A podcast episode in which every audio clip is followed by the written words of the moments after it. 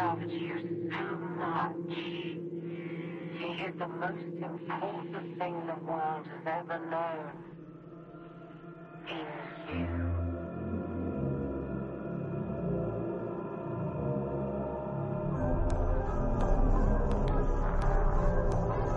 distanciament social, mascaretes obligatòries, confinament recurrent, geolocalització constant i aviat vacunació massiva. El 2007, Naomi Klein va sintetitzar el que es coneix com la doctrina del xoc.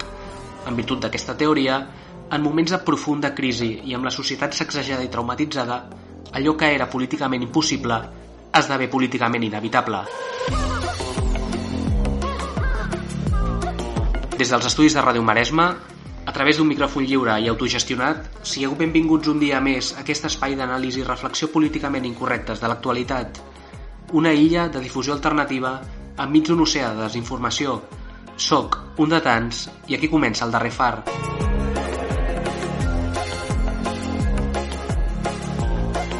Avui ens dediquem a submergir-nos en allò que ha tingut en vil la humanitat sencera els últims mesos i que ha marcat per complet l'agenda global. L'expansió d'un suposat virus extremadament contagiós i mortífer que ha portat tots els països del món a prendre mesures insòlites i que ha fet que la ciutadania veiés limitats com mai abans els seus drets civils.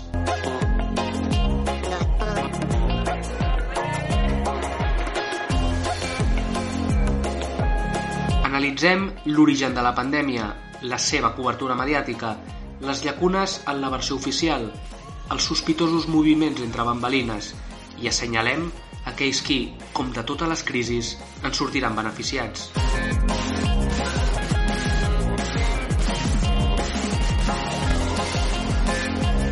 Avui, al darrer Bill Gates i les vacunes.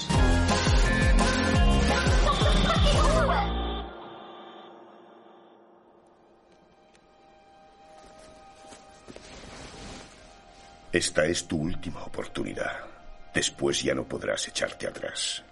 Si tomas la pastilla azul, fin de la historia. Despertarás en tu cama y creerás lo que quieras creerte. Si tomas la roja, te quedarás en el país de las maravillas. Y yo te enseñaré hasta dónde llega la madriguera de conejos.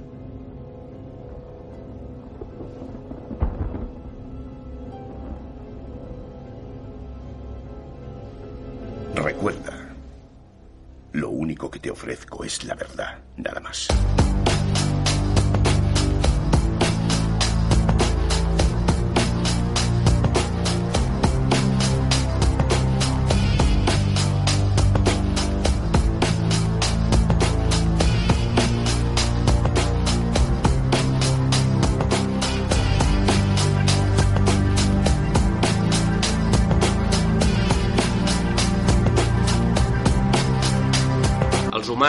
Convivim a la natura envoltats de milers de milions de tipologies de virus.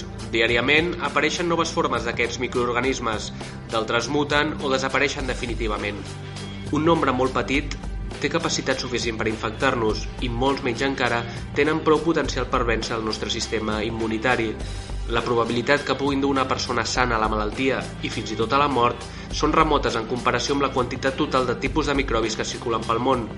Els virus que combinen la triple capacitat d'infecció humana, d'alta transmissibilitat i d'elevada mortalitat són, quantitativament, poc menys que una anècdota dins la història de la humanitat.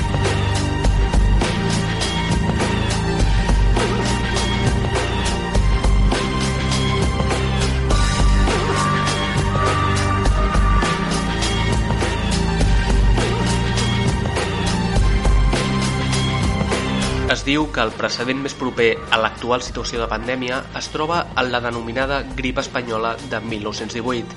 Doncs per que ens fem una idea, aquesta grip de 1918 va aparèixer quan una gallina amb grip aviar i un granger de Kansas amb grip estacional van infectar simultàniament un mateix porc.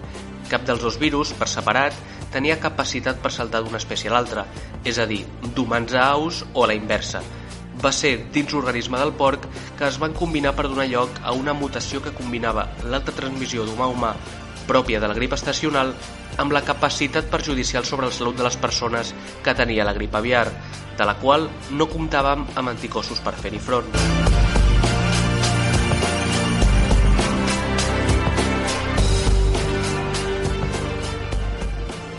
La gallina equivocada i l'humà equivocat es creuen amb el porc que no devien. Apareix el virus H1N1, un esdeveniment absolutament accidental, improbable però no impossible. La natura és tan capritjosa com imprevisible.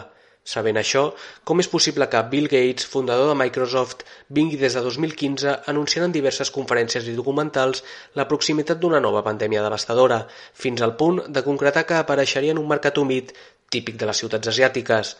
Una de les intervencions on dona detalls sorprenentment profètics en relació amb el que estem patint aquest 2020 va ser en un documental que porta per nom La pròxima pandèmia i que va ser estrenat a la plataforma Netflix Espanya el 7 de novembre de 2019 és a dir, només 10 dies abans que es reportés el primer cas de mort per Covid-19 a tot el món. Qui és capaç de predir amb tanta precisió un fenomen tan aleatori? Si un veí t'avisés repetidament que se't cremarà el cotxe i un bon dia te'l trobes en flames, ja saps a quina porta has de trucar.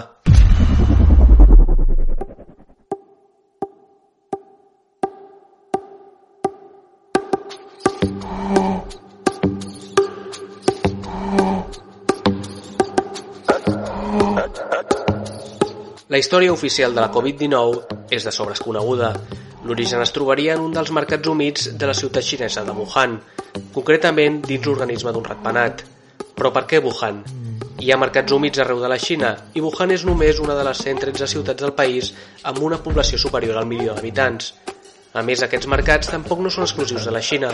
A l'Índia, l'altra nació hiperpoblada, també són força populars.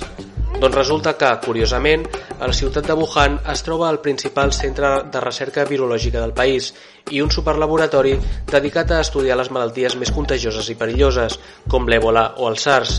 I no només això, sinó que a menys de 300 metres del famós mercat de Huanan, on es va produir oficialment la primera infecció, hi ha el Centre de Control i Prevenció de Malalties de la ciutat, on justament s'investiga amb ratpenats. Un dels cultius que custodiaven era d'un virus que guarda més d'un 92% de correspondència genètica amb el Covid-19. Casualitat o causalitat?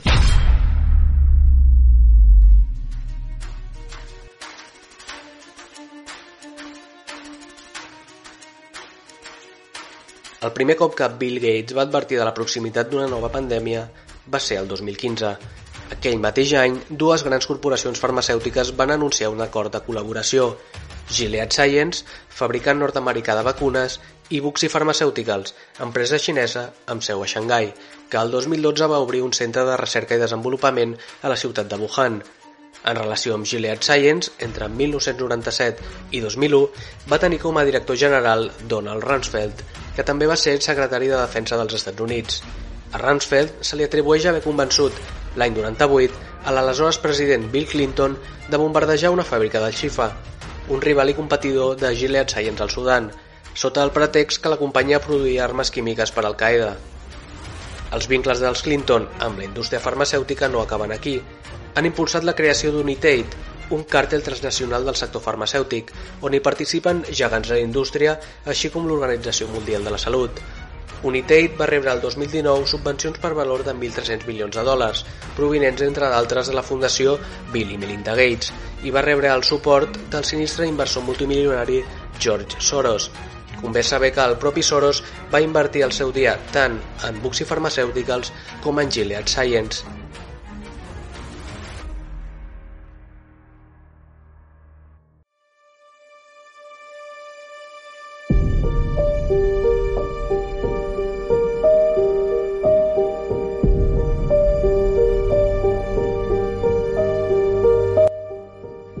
Unitate. Aquesta entitat, que actua com a càrtel on es coordinen grans corporacions farmacèutiques, té com a objectiu principal desenvolupar un grup de patents.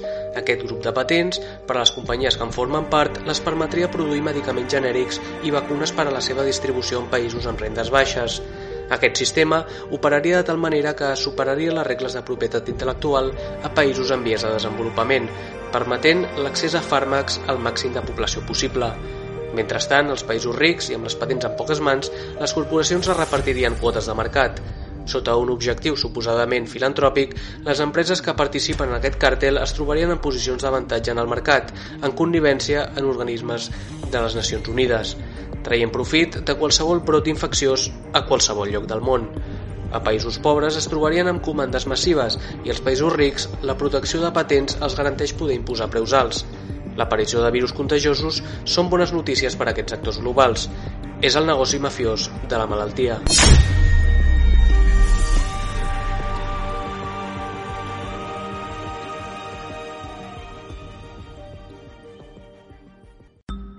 Els vincles de Bill Gates amb la OMS no només es limiten a United, sinó que també són presents mitjançant l'Aliança Mundial per a la Vacunació, coneguda com a Gavi per les seves sigles en anglès.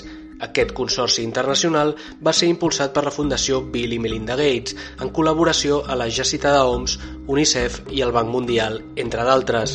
En plena crisi pel coronavirus, mentre milers de treballadors espanyols encara no havien cobrat la prestació dels ERTOs, el president Pedro Sánchez regava aquest consorci amb 125 milions d'euros. Arran d'aquesta tasca del multimilionari Gates, els mitjans de comunicació es refereixen al fundador de Microsoft com a un filàntrop, és a dir, algú que destina el seu temps i recursos a promoure beneficis per la comunitat.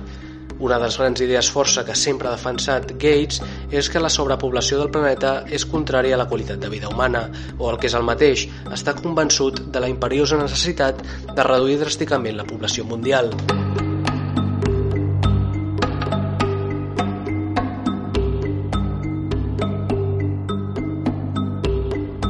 Com hem vist, Bill Gates opera a través de la fundació Bill i Melinda Gates, que comparteix amb la seva dona, aquesta fundació impulsa iniciatives de recerca per tot el món, fonamentalment en dos grans àrees, la promoció de les vacunes arreu del planeta i l'avenç de la coneguda com a identitat digital. Es tracta de dos camps d'estudi que tenen a priori poc a veure. La realitat, però, és ben diferent. A dia d'avui existeix capacitat tecnològica per implantar, a través de vacunes, transmissors i receptors d'informació amb aplicació sanitària. D'aquesta manera, els ciutadans podrien portar sempre al damunt el seu historial clínic, el famós passaport mèdic del que tant hem sentit a parlar els últims mesos i que permetrien certificar que una persona és sana. Un sistema invulnerable al robatori, a la pèrdua o a la suplantació. El passat 26 de març, en plena pandèmia, va ser registrada una patent anomenada Sistema de criptomoneda que utilitza dades de l'activitat corporal. El mecanisme es basa en la implantació de microchips en éssers humans. La sol·licitud de la patent va ser presentada per Microsoft.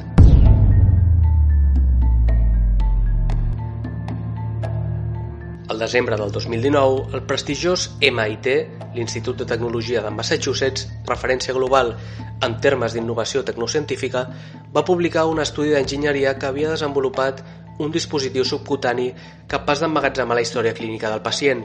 La investigació especifica que aquest sistema d'emmagatzematge s'administra i es fixa sota la pell humana mitjançant una vacuna, la informació que suportaria podria ser llegida per una tecnologia que avui dia ja ve incorporada als smartphones que utilitzem diàriament. A efectes pràctics, seria com aplicar al pacient un tatuatge a través de microagulles, que resultaria imperceptible per l'ull humà. Tot i les seves minúscules dimensions, aquest element podria emetre fins i tot llum infrarroja. En definitiva, suposaria imprimir a cada individu un codi de barres o identificador QR únic, amb potencial per emmagatzemar qualsevol mena d'informació. La publicació d'aquest estudi, que com hem dit va ser el desembre de l'any passat, coincideix en el temps amb les primeres notícies sobre el coronavirus. I sabeu qui va finançar aquesta investigació del MIT de nanotecnologia subcutània per la via de la vacunació? Doncs no ho diríeu mai, la Fundació Bill i Melinda Gates.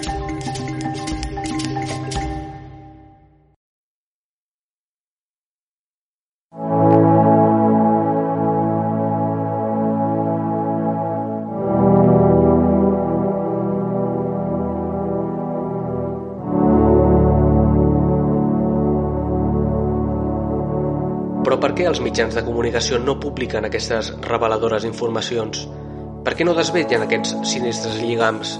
El cert és que ja fa molt de temps que els mitjans de masses van renunciar al seu paper de contrapoder i únicament es limiten a fer de corretges transmissores dels missatges que provenen del consens globalista.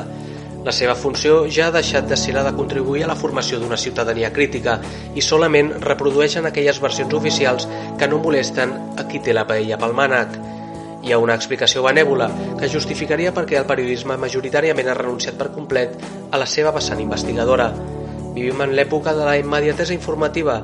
El que era notícia pel matí ja s'ha oblidat per la tarda. És l'era del Twitter, on prima la rapidesa en la publicació d'exclusives i el clickbait, i això resulta incompatible amb les informacions que van més enllà i que es couen a foc lent. No hi ha incentius per investigar, ja que els fruits no poden recollir-se de forma immediata. És per això que únicament reprodueixen notes de premsa i cobreixen actes institucionals sense burxar el més mínim. L'altra de les explicacions és menys benèvola amb la professió i va en la línia de ser conscients de qui controla les grans agències d'informació i com els grans mitjans de comunicació, sigui quina sigui la seva línia editorial, estan controlats per les mateixes mans. És la il·lusió del debat inexistent. Ens han fet creure que vivim en l'era de la informació, però aquesta mai no havia estat tan controlada.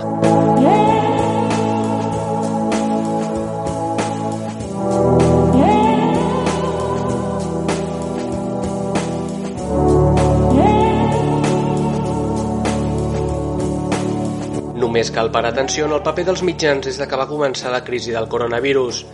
Els informatius eren autèntics monogràfics de l'apocalipsi. No és una estratègia nova. Tractar els espectadors com a infants, més que com a adults. Commoure l'audiència a través de les emocions i no des de la racionalitat. El control social per la via de la por.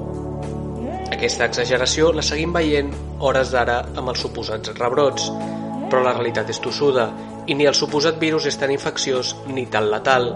Durant els mesos de març, abril i maig van transcendir documents al Regne Unit, als Estats Units, a Hawaii i també a l'Hospital d'Eivissa, que contenien protocols instruïts per les autoritats sanitàries amb la finalitat que els metges codifiquessin els certificats de defunció com a causa Covid-19 qualsevol mort que presentés remotament simptomatologia pròpia de la pneumònia, encara que no s'hagués confirmat el positiu per coronavirus.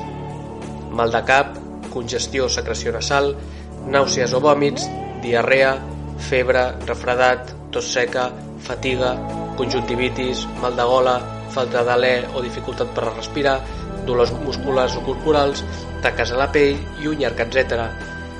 Qualsevol mort que hagués presentat només un d'aquests símptomes era automàticament certificada com a Covid-19.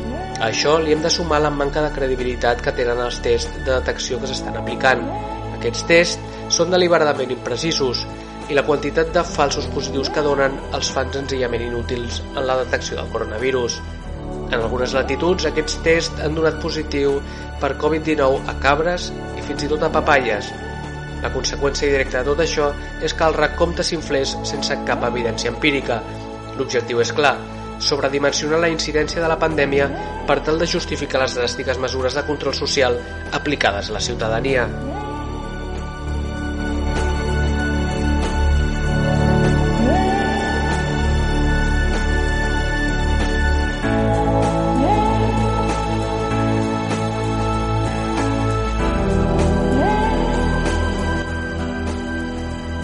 Arrest domiciliari, mascaretes obligatòries i aplicació obsessiva de llei xiu. Paradoxalment, aquestes mesures neutralitzen el sistema immunitari humà, ens debiliten i ens fan més vulnerables davant malalties infeccioses. A més, psicològicament contribueixen a augmentar la psicosi individual i col·lectiva. El control a través de la por.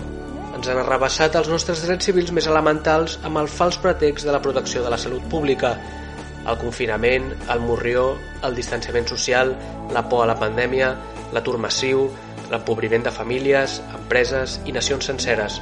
El missatge ha calat. L'única manera d'acabar amb aquest malson és trobar la vacuna.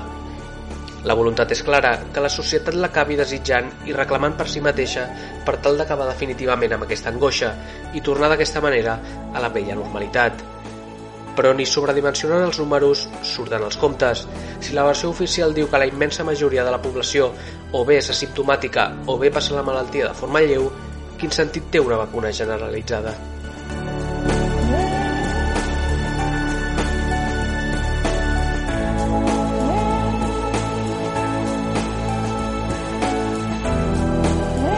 Hi ha qui encara creu, benèvolament o ingenuament, que no és possible una estratègia tan ben planificada i coordinada a nivell global i que tants actors implicats estiguin disposats a perjudicar consciència els seus conciutadans. En aquest punt convé retrocedir en el temps.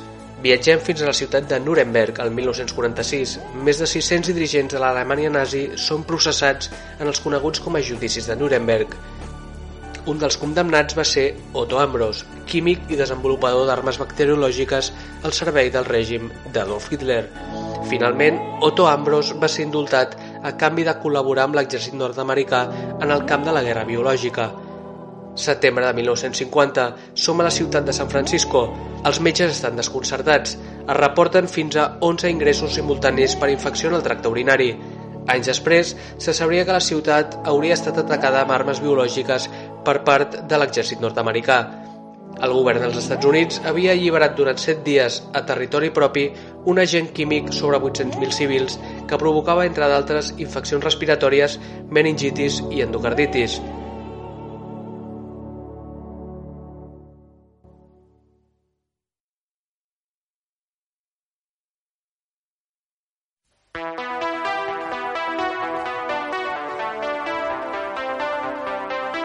Però no cal anar tan lluny en el temps per a comprovar com l'elit dirigent actua amb una manca absoluta d'escrúpols en la consecució dels seus propis interessos, donant zero valor a la vida humana tant de ciutadans estrangers com de propis.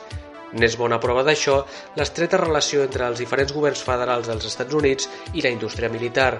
Des dels anys 90 assistim a una successió de guerres per tot el món impulsades des de Washington amb independència de qui ocupés la Casa Blanca amb l'objectiu de donar sortida a l'ingent estoc bèl·lic i engrossir els comptes de resultats de les grans corporacions militars privades. La guerra de l'Afganistan contra els talibans després de l'11S, quan l'atac sobre les Torres Bessones procedia de l'Aràbia Saudita, o la guerra contra l'Iraq sota el pretext d'unes inexistents armes de destrucció massiva són només alguns dels exemples més recents i clamorosos. De portes endins, s'imposaven sobre els ciutadans americans mesures que restringien les seves llibertats per mitjà de lleis com la Patriot Act.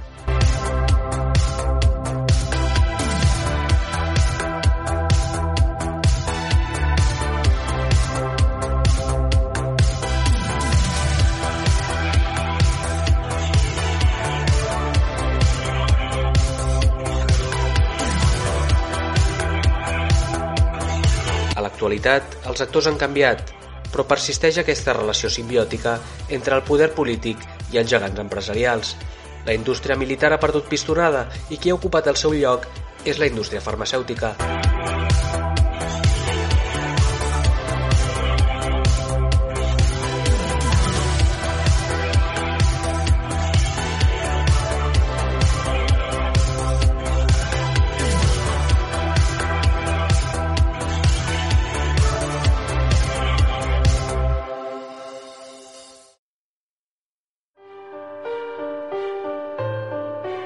Repetir constantment el mateix missatge, aplicar el bombardeig mediàtic per amplificar la inseguretat, autoculpabilitzar la ciutadania, gradualitzar les mesures coercitives per a que siguin més fàcilment acceptables, crear deliberadament problemes per després aparèixer amb la lucrativa solució. Són vells ingredients per a velles receptes, però com veiem, funcionen tan bé com el primer dia. Gràcies i bona nit.